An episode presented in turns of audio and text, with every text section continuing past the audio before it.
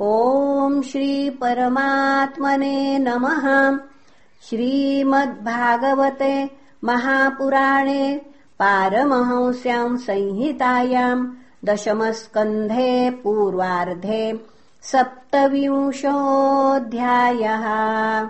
श्रीशुक उवाच गोवर्धने धृते शैलो आसाराद्रक्षिते व्रजे गोलोकादाव्रजत् कृष्णम्। सुरभिः शक्र एव च।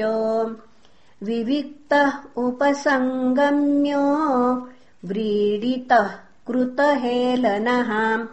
पस्पर्शपादयोरेनम् किरीटेनार्कवर्चसाम् दृष्टश्रुतानुभावोऽस्य कृष्णस्यामिततेजसः नष्टत्रिलोकेशमद इन्द्र आह कृताञ्जलिः।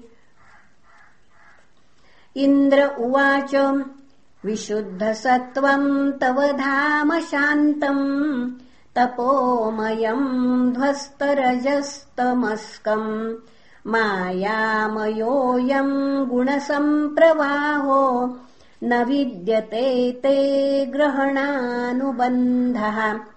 कुतो तद्धे तव ईश तत्कृता। लोभादयो ये बुधलिङ्गभावाः। तथापि दण्डम् भगवान् बिभर्ति।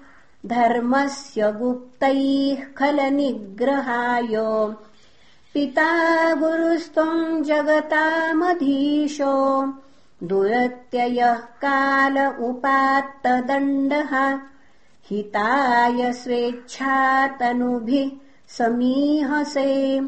मानम् विधुन्वन् जगदीशमानिनाम्। ये मद्विधाज्ञा जगदीशमानिनस्त्वाम् वीक्ष काले भयमाशु तन्मदम् हित्वार्यमार्गम् प्रभजन्त्यपस्मयाम् इहाखलानामपि तेऽनुशासनम् सत्त्वम् ममैश्वर्यमदप्लुतस्य कृतागसस्ते विदुषः प्रभावम् क्षन्तुम् प्रभोथार्हसि मूढचेतसो। मैवम् पुनर्भून्मतिरीश मे सति। तवावतारो यमधोक्षजेहो।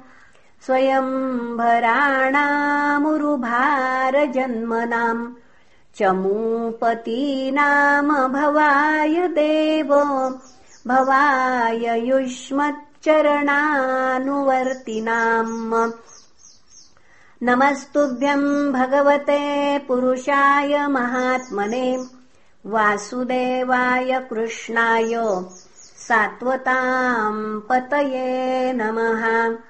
स्वच्छन्दोपात्तदेहाय विशुद्धज्ञानमूर्तये सर्वस्मै सर्वबीजाय सर्वभूतात्मने नमः।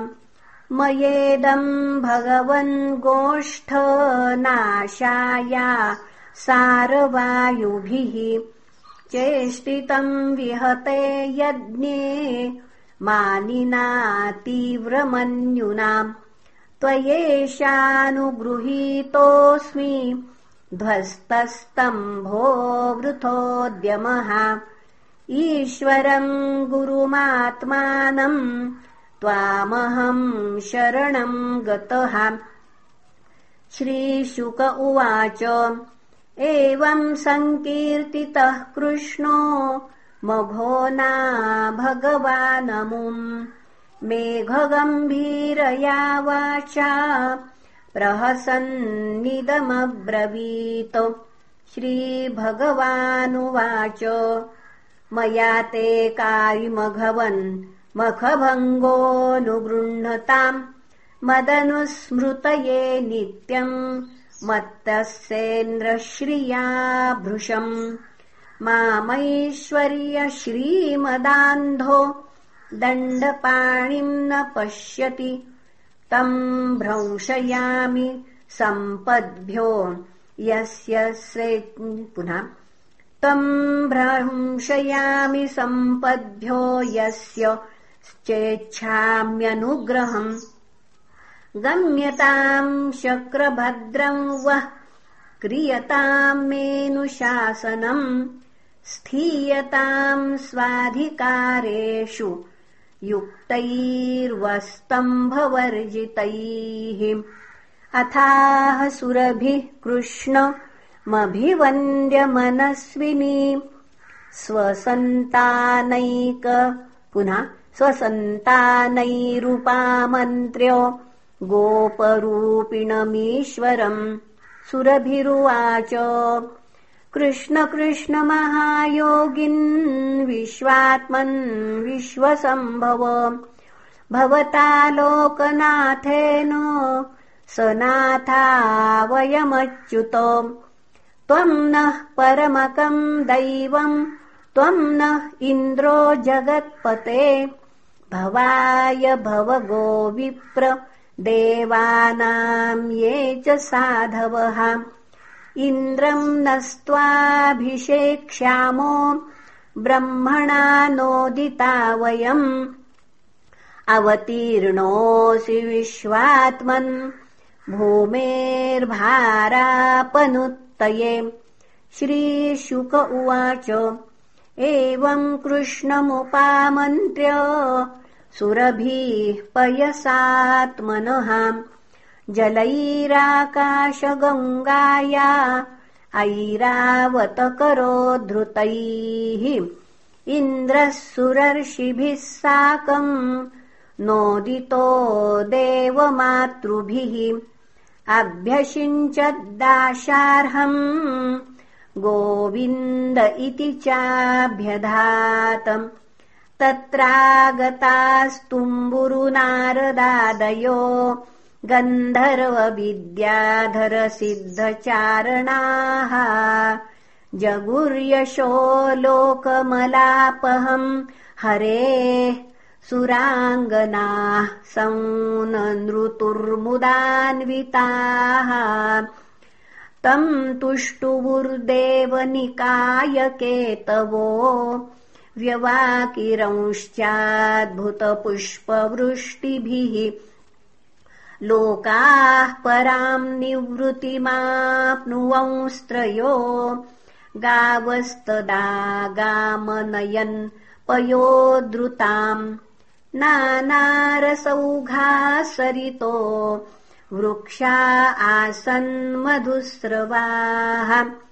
अकृष्टपच्यौषधयो गिरयो बिभ्रद्दुन्मणीन् कृष्णेऽभिषिक्त एतानि सत्त्वानि कुरु नन्दन। निर्वैराण्यभवंस्तात क्रूराण्यपि निसर्गतः। इति गो गोकुलपतिम् गोविन्दमभिषिच्य सः। अनुज्ञातो ययौ शक्रो वृतो देवादिभिर्दिवम्। इति श्रीमद्भागवते महापुराणे पारमहंस्याम् संहितायाम् दशमस्कन्धे पूर्वार्धे। इन्द्रस्तुतिर्नाम सप्तविंशोऽध्यायः श्रीकृष्णार्पणमस्तु। हरये नमः हरये नमः हरये नमः